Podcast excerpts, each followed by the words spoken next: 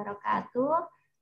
Waalaikumsalam warahmatullahi wabarakatuh. Nah, kita sapa-sapa dulu kawan-kawan kita di berbagai penjuru dunia, mungkin dari uh, Indonesia pada khususnya.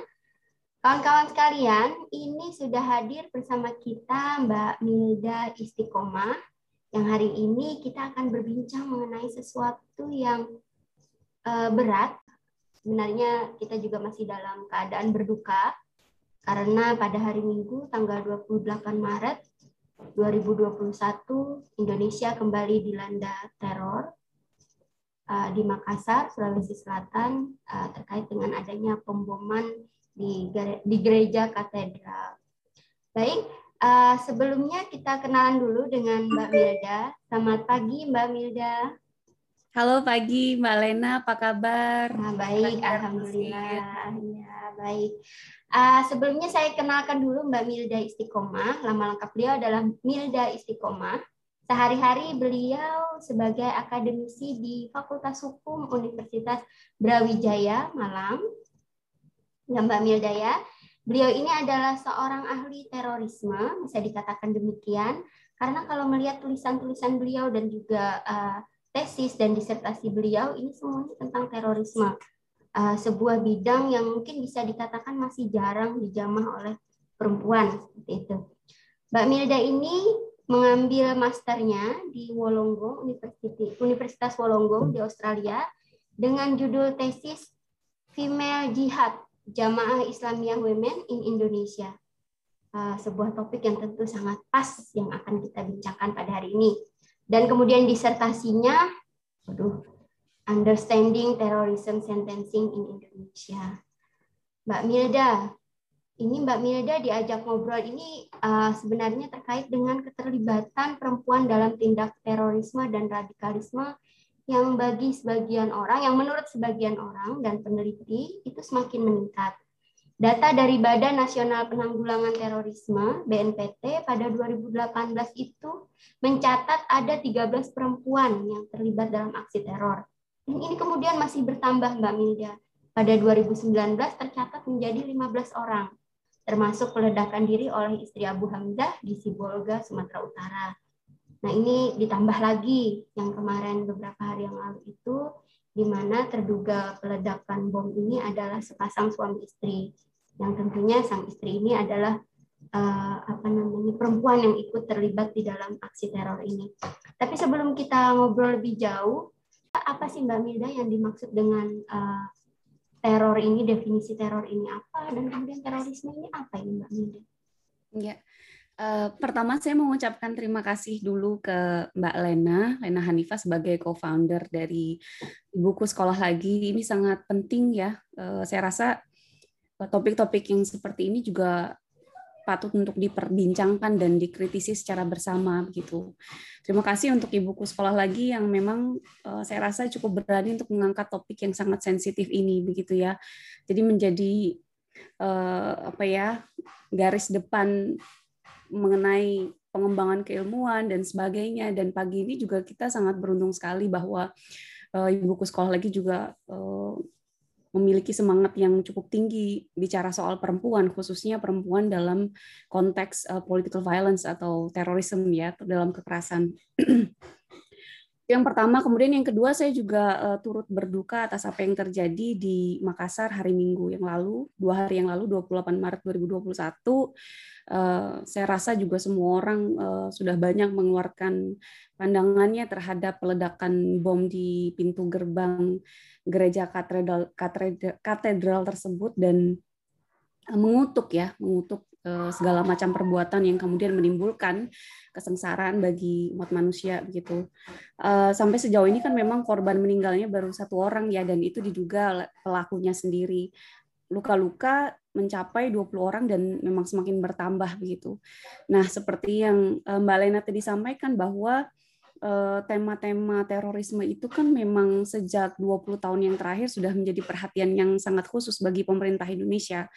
Eh, cuman memang ketika kita bicara tentang perempuan dan terorisme itu memang masih luput, masih masih bukan jadi perhatian utama dari berbagai macam pihak ya, terutama pihak pemerintah dalam hal ini BNPT dan sebagainya.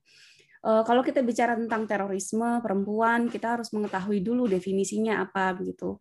Memang sampai saat ini pun juga kalau kita melihat definisi secara internasional tidak ada kesepakatan apa sih sebetulnya yang disebut dengan terorisme. Jadi saya akan menggunakan definisi yang dicantumkan di dalam Undang-Undang uh, anti terorisme ya yang terbaru yaitu Undang-Undang Nomor 5 Tahun 2018. Jadi kalau kita bicara apa sih sebetulnya yang dimaksud dengan terorisme itu eh, disebutkan dalam undang-undang tersebut terorisme itu adalah perbuatan yang menggunakan kekerasan atau ancaman kekerasan yang menimbulkan suasana teror gitu. Jadi itu adalah eh, definisi yang sangat luas ya, bentuknya juga sangat luas. Jadi perbuatan apa pun itu Mbak Lena, apa pun itu, perbuatan apa pun wujudnya, yang kemudian eh, ada elemen kekerasan ataupun ancaman kekerasan yang menimbulkan suasana teror atau rasa takut secara meluas gitu. Baik yang menimbulkan korban ataupun tidak, baik yang menimbulkan kerusakan ataukah tidak gitu.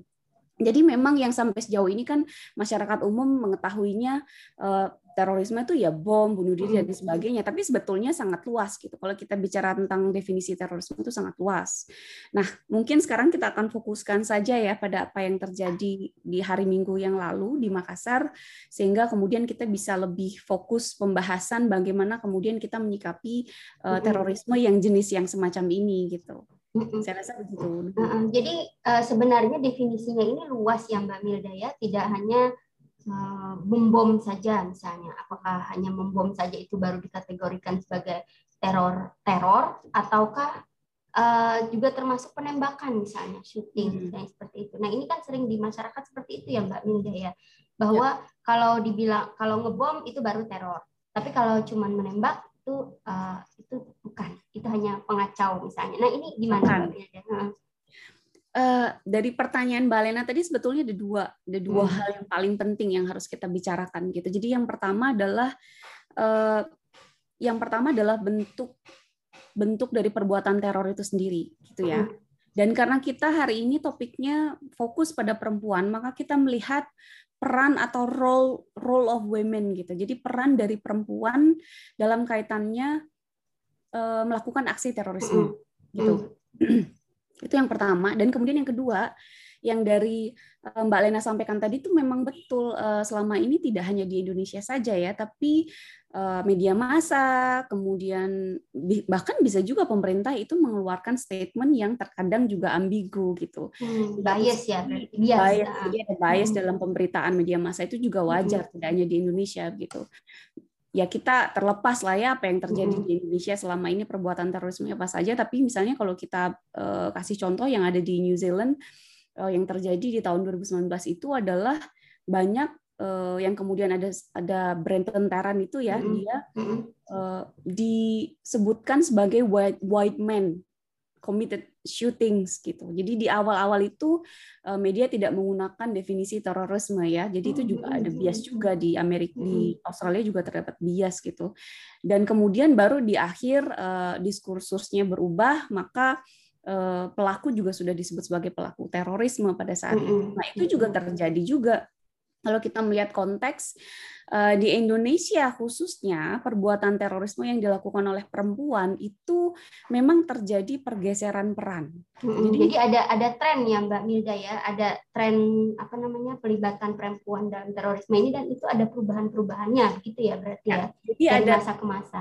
Eh, ada perubahan tren dan ada eh, perubahan peran. Nah, mm -hmm. yang pertama kalau bicara soal yang trennya dulu, mm -hmm. nah Mbak Lena tadi sudah menyebutkan kan kalau BNPT itu mengeluarkan angka 15 orang mm -hmm. ya 15 mm -hmm. orang perempuan yang sudah terlibat.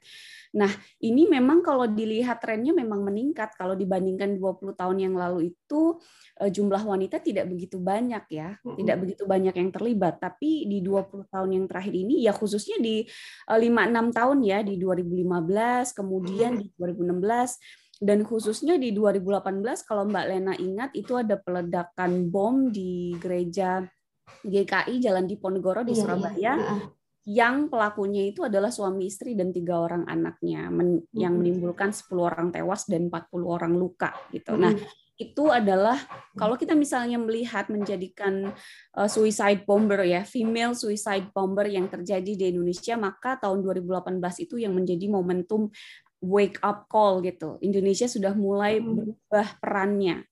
Karena di tahun 2011 itu Mbak Lena ketika saya melakukan penelitian master thesis saya yang hmm. untuk S2 ya, hmm. 2011 kemudian diterbitkan di 2012 itu uh, memang pada saat itu penelitian saya terhadap uh, uh, janda jamaah Islamiyah ya. Jadi waktu itu saya ke Lamongan, kemudian saya bertemu dengan uh, istri dari almarhum Imam Samudra dan sebagainya. Saya sangat beruntung sekali memiliki kesempatan untuk bertemu dan kemudian berbicara secara informal saja sebetulnya karena melihat kondisi beliau pada saat itu memang sakit, kemudian mengalami stroke, eh, depresi yang luar biasa karena apa yang terjadi pada keluarganya begitu. Jadi eh, itu kemudian yang akhirnya kesimpulan dari masa tesis saya itu adalah uh, jamaah Islam Islamiyah women at that time itu mereka lebih masuk ke dalam kategori invisible role gitu. Jadi kalau kita bedakan ada dua. Invisible, invisible role itu apa itu? Kalau invisible role itu mereka itu perannya lebih pasif dan berada di hmm. belakang layar.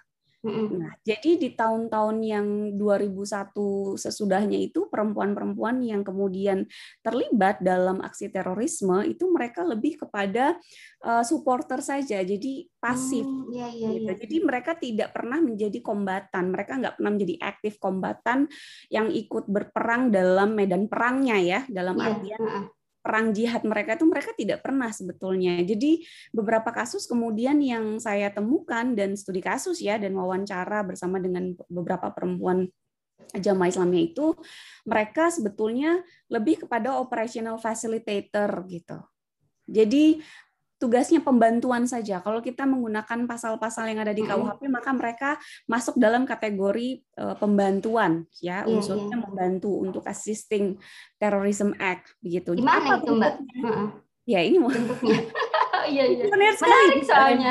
Ya, apa bentuknya? Macam-macam. Biasanya memang mereka itu didakwa dengan pasal misalnya uh, menyembunyikan informasi mengenai suami, hmm, keluarganya iya, iya. dan sebagainya. Nah, itu juga termasuk ke dalam kategori uh, perbuatan terorisme ya, menyembunyikan informasi, kemudian menyembunyikan uh, apa? tidak tidak memberikan bantuan atau informasi terkait dengan penyelidikan yang sedang berlangsung itu juga termasuk.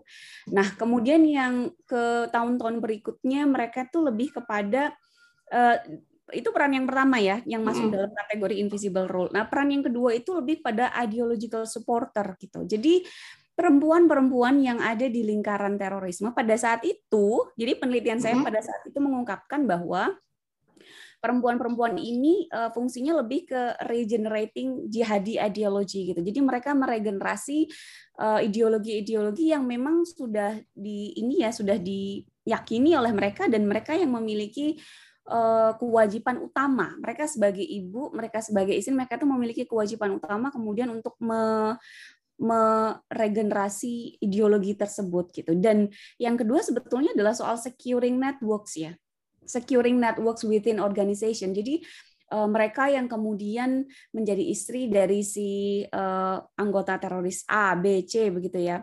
Biasanya memang mereka terjadi perekrutan dan segala macam itu justru melalui kinship kinship in marriage gitu. Jadi banyak sudah penelitian yang dilakukan misalnya oleh Mas Nur Huda dan lain sebagainya ya. Mereka itu kemudian uh, menemukan sebuah ya studi mereka kemudian menemukan sebuah fakta bahwa untuk menjaga jaringan teroris mereka ya mereka akan dinikahkan gitu dengan uh, saudara atau keluarga dari anggotanya yang lain. Gitu. Jadi iya, iya peran mereka sampai sejauh itu pada saat itu ya, pada saat tahun 2001, 2002 dan sebagainya. Nah, memang kemudian pergeseran peran ini terjadi sejak misalnya 2015 yang kemudian kita mendengar eh, beberapa kasus di mana perempuan ini sudah mulai aktif gitu. Nah, kita masih oh iya ya, mereka sudah mulai ikut terjun ya, tetapi begitu itu tadi ya yang kita bilang tadi wake up call itu yang 2018 langsung pemerintah Indonesia mengesahkan undang-undang anti terorisme yang terbaru gitu ya. Dan kemudian kalau kita ngelihat di 2020 juga ada RAN PE dan sebagainya uh, sayangnya memang masih belum menjadikan perempuan sebagai ini ya sebagai elemen yang paling penting dalam program deradikalisasi. Jadi masih masih uh, apa namanya di luar radar apa bisa dikatakan seperti itu ya. Berarti deradikalisasi ini masih target-targetnya itu adalah masih maskulini maskulinis sekali gitu kan. Ya, jadi pada laki-laki dianggap bahwa terorisme ini uh, benar-benar adalah hanya tindakan maskulin yang ya. tidak bisa dilakukan oleh perempuan. Nah, tadi saya juga menggarisbawahi bahwa ada ada peningkatan tadi. Ini berarti tidak hanya secara kuantitatif ya Mbak Milda ya, tidak hanya secara jumlah, tetapi juga kualitatif. Dalam artian kualitasnya juga meningkat, role-nya jadi meningkat. E, begitu ya berarti ya Mbak Milda ya, ya. Kira. Nah, tapi e, Mbak Milda sebenarnya e, apa sih yang menjadi faktor itu? Apakah ada perubahan juga faktor kemudian motivasi perempuan sehingga mereka terlibat dalam terorisme ini dalam dalam aktivitas terorisme. Ya, itu pertanyaan yang sangat menarik sekali ya. Selalu kalau misalnya sudah ada pengeboman seperti ini, terus kemudian pertanyaannya adalah apa yang menjadi motif begitu? Kan apakah dia dia hanya dirayu, betul, dirayu atau disuruh gitu kan? Karena kan uh, ada kalau kita baca buku-buku tentang feminisme gitu kan ada yang disebut dengan uh, apa piety seperti itu ketaatan yang mutlak dari perempuan kepada laki-laki. Apakah hanya seperti itu saja begitu dia disuruh ah ayo kamu uh, katakanlah membom di sini. Ya. Apakah hanya itu saja atau ada ada faktor lain itu? Ya. Jadi uh, beberapa hari terakhir ya dua hari ini kan banyak sekali tulisan-tulisan yang bisa kita baca ya. Uh, para ahli juga sudah mulai mengeluarkan pendapat dan sebagainya begitu uh, sampai sejauh ini memang yang muncul motivasi yang sering banget muncul itu ya salah satunya adalah personal factors gitu ya personal factors kemudian Mbak Lena tadi juga sudah menyebutkan tentang piety gitu ya submission to men gitu.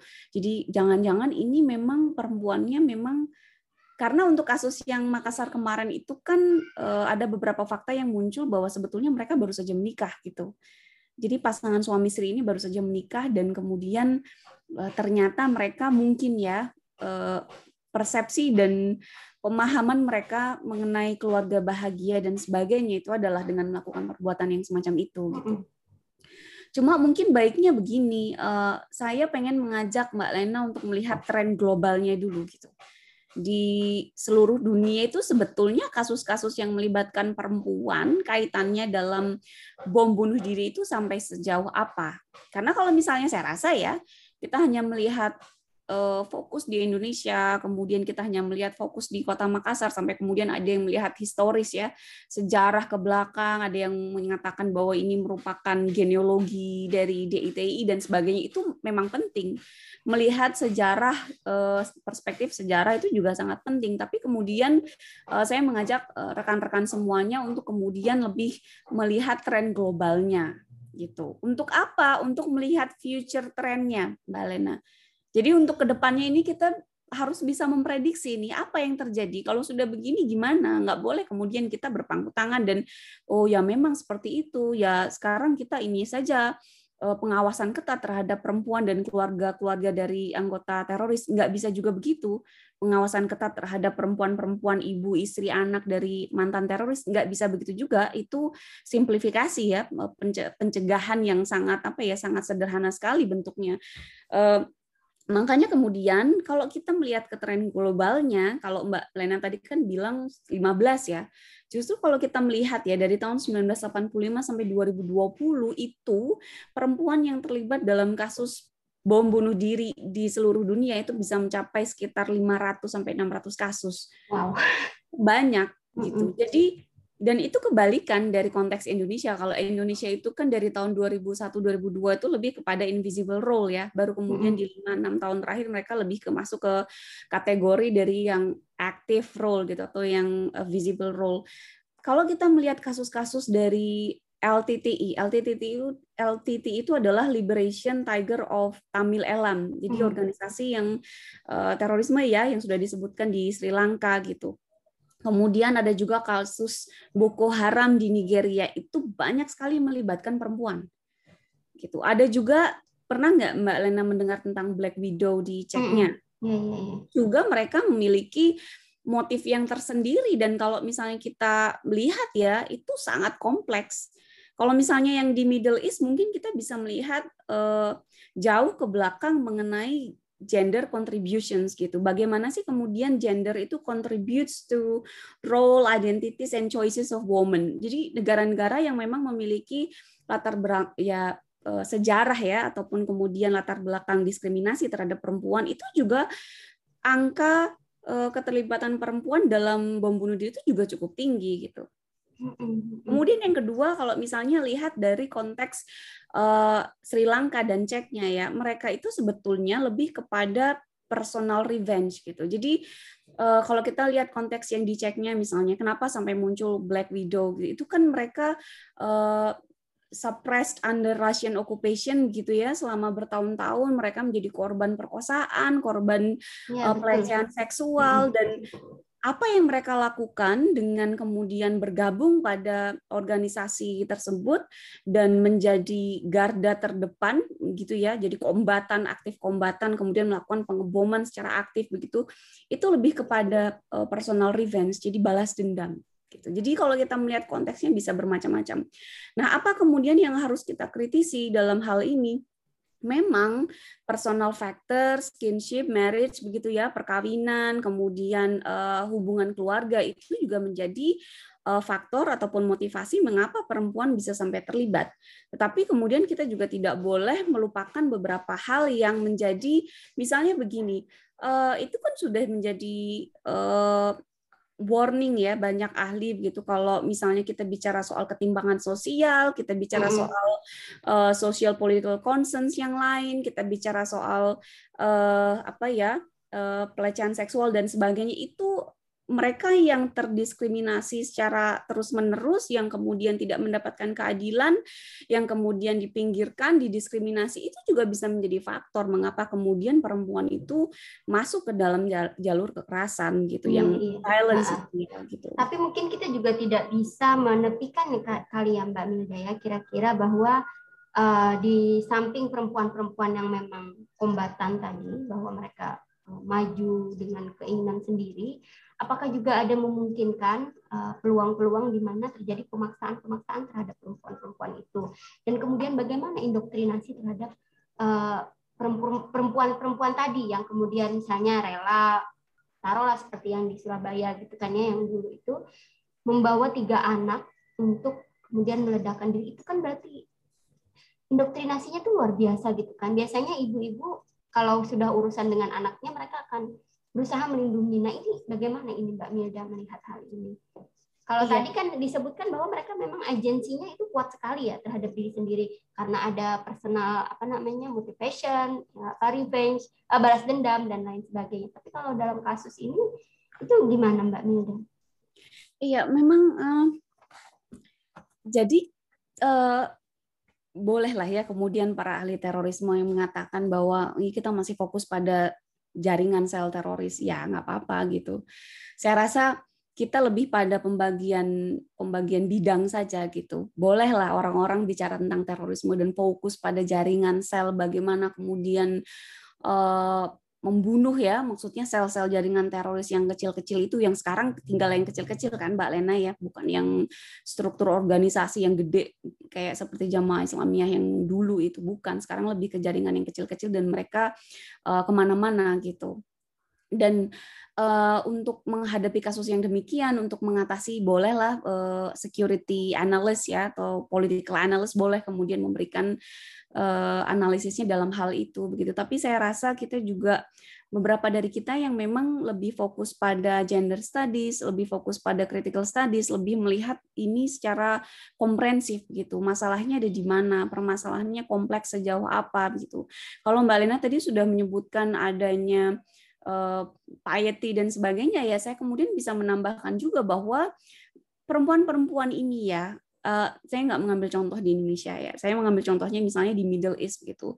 Perempuan yang kemudian terlibat dalam jaringan terorisme dan kemudian uh, willingness to involve in suicide bombers itu kan uh, dari mana datangnya gitu? Dari mana datangnya kekuatan itu gitu? Nah, beberapa studi yang uh, sudah di uh, sudah dipublish oleh ahli terorisme yang ada di seluruh dunia itu mengatakan bahwa perempuan yang kemudian tidak memiliki personal relationship outside their families gitu mereka yang kemudian uh, lebih banyak menghabiskan waktu di rumah, kemudian mereka juga tidak memiliki interaksi sosial dengan yang lain, mereka hanya memiliki hubungan dengan keluarganya gitu ya. Dan mereka bukan yang kemudian masuk ke dalam kategori arranged marriage tadi bukan. Ada beberapa contoh perempuan yang karena rasa apa ya diskriminasi ya rasa eh, eh, apa ketimbangan sosial yang saya sebutkan tadi itu membuat mereka memiliki apa motivasi yang kuat untuk kemudian bergabung dalam emancipation gitu. Nah, apa yang kemudian kita bisa tarik di sini? Nah, mereka berarti memiliki akses terhadap eh, informasi-informasi uh, internet yang sangat membahayakan gitu. Sudah nggak pernah ketemu temennya, nggak ketemu dengan keluarga extended family yang lain, tapi mereka justru mendapatkan informasi dan motivasi itu dari internet. Jadi apa radikalisasi yang konten di internet itu juga menjadi salah satu permasalahan tersendiri ya bagaimana kemudian perempuan-perempuan yang ada di uh, Middle East itu kemudian bisa bergabung hmm. menjadi anggota hmm. teroris dan mendapatkan informasi yang cukup banyak di internet itu kan juga termasuk sangat mengkhawatirkan. Iya betul. Kadang konten-konten ini juga berselindung gitu ya, terselubung di balik nama-nama yang indah-indah.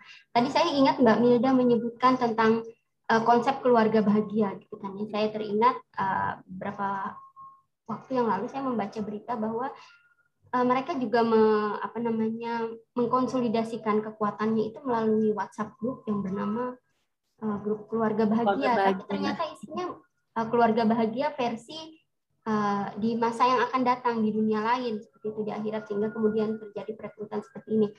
Nah, Mbak Milda, karena ini terkait dengan meningkatnya tadi secara kuantitatif, secara kuantitas maupun secara kualitas uh, keterlibatan perempuan di dalam aktivitas terorisme ini, ini kira-kira pendekatan seperti apa yang bisa dilakukan oleh peneliti-peneliti atau kemudian akademisi untuk kemudian ikut membantu menyelesaikan Eh, permasalahan terorisme ini paling tidak membantu sedikit lah ya seperti itu.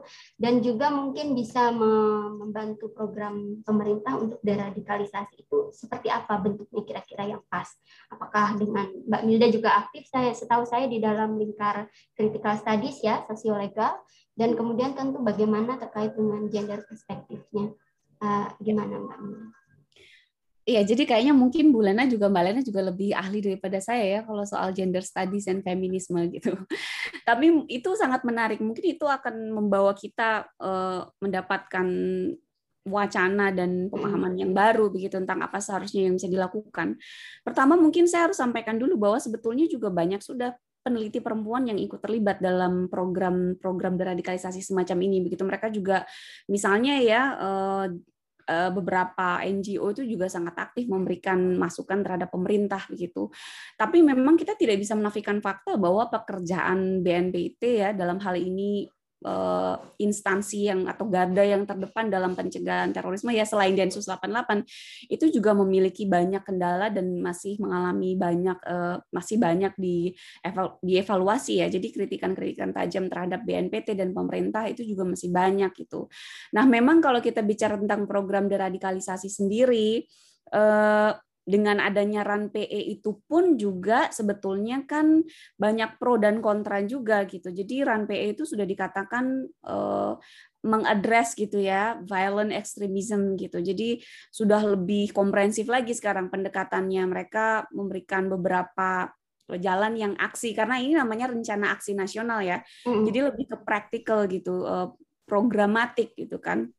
Tapi di situ pun juga tidak kita temukan pasal-pasal yang mengatur tentang uh, deradikalisasi terhadap perempuan misalnya ya. Jadi uh, pengaturan-pengaturan ataupun kebijakan-kebijakan yang di masa yang akan datang saya rasa harus lebih melibatkan uh, peneliti perempuan, aktivis perempuan yang memang sudah concern di bidang ini. Itu yang pertama. Kemudian yang kedua, saya rasa yang kedua kita sudah harus mulai bicara soal paradigma.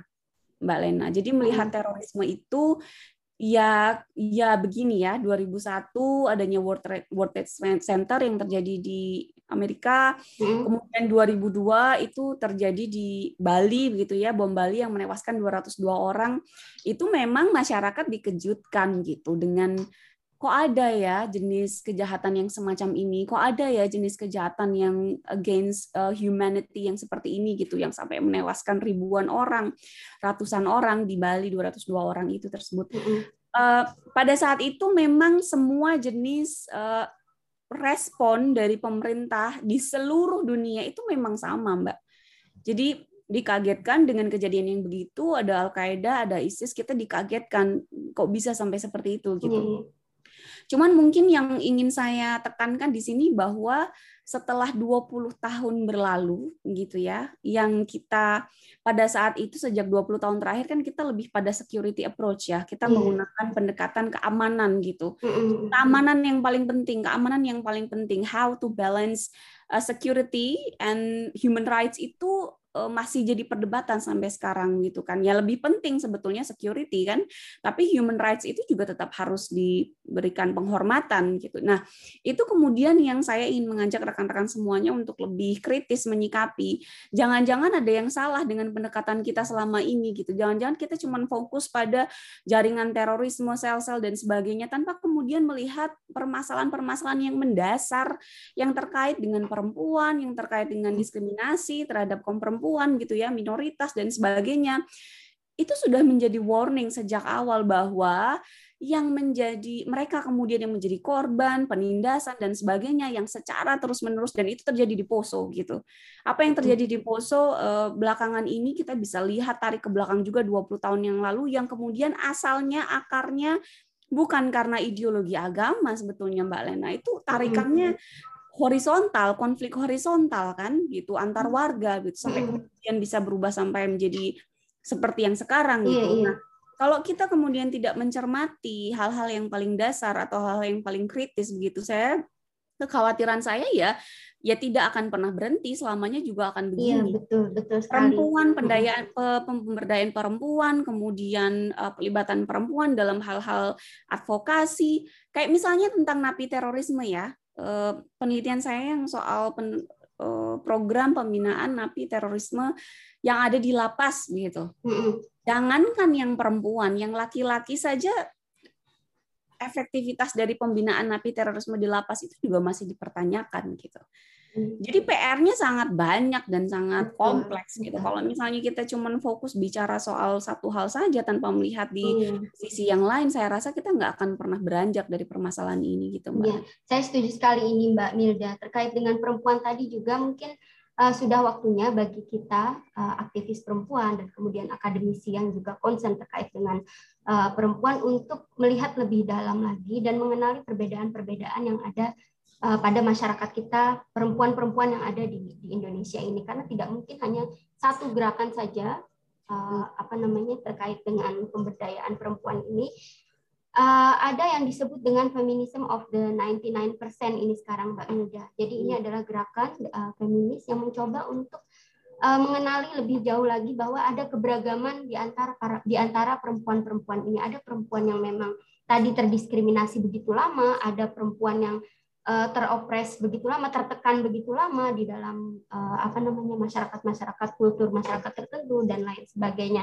Nah ini juga tentu harus dikenali untuk kemudian uh, bisa kita temukan bersama-sama, mungkin pemerintah juga, sehingga bisa menemukan apa nih masalahnya, sehingga mereka kok semakin tertarik ke arah kekerasan, ke arah violence ini tadi. Apabila itu sudah ditemukan, saya yakin itu deradikalisasi juga akan semakin berhasil. Jadi tidak hanya melihat perempuan di permukaan saja, bahwa perempuan ini dia pasti taat dengan suaminya sehingga dia mau disuruh membom. Tadi misalnya seperti itu.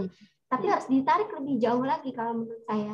Bisa jadi itu memang ada tadi seperti Mbak Milda bilang, uh, pembalasan dendam secara personal dan juga tadi bentuk emansipasi bahwa bentuk emansipasi ya, yang saya sebagai saya seorang sebagai perempuan. perempuan harus melakukan sesuatu bagaimana ini untuk komunitas saya untuk mening, uh, apa namanya untuk memperjuangkan apa yang saya yakini misalnya seperti itu. Nah, pengenalan terhadap hal-hal seperti ini yang sering overlook gitu kan ya, terlewati oleh ya. uh, saya mungkin juga dan kemudian akademisi, para peneliti dan juga mungkin para stakeholders pemangku kebijakan.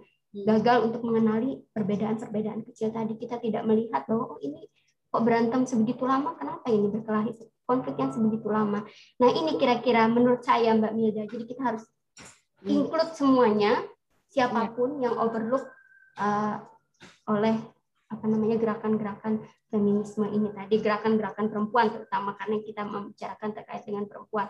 Ini juga tentu tidak hanya uh, apa namanya mengga saya tidak ingin bahwa ada batas bahwa gerakan perempuan ini hanya berkutat di situ-situ saja mari kita juga ikut meneliti terkait dengan hal ini kira-kira begitu ya Mbak Milda ya atau Mbak yeah. Milda ada ada apa namanya pesan yang lain uh, concluding remark aja ya. Mm -hmm. uh, saya rasa untuk uh, hal yang terakhir yang bisa saya sampaikan bahwa setiap orang tuh memiliki kontribusi masing-masing mm -hmm. gitu.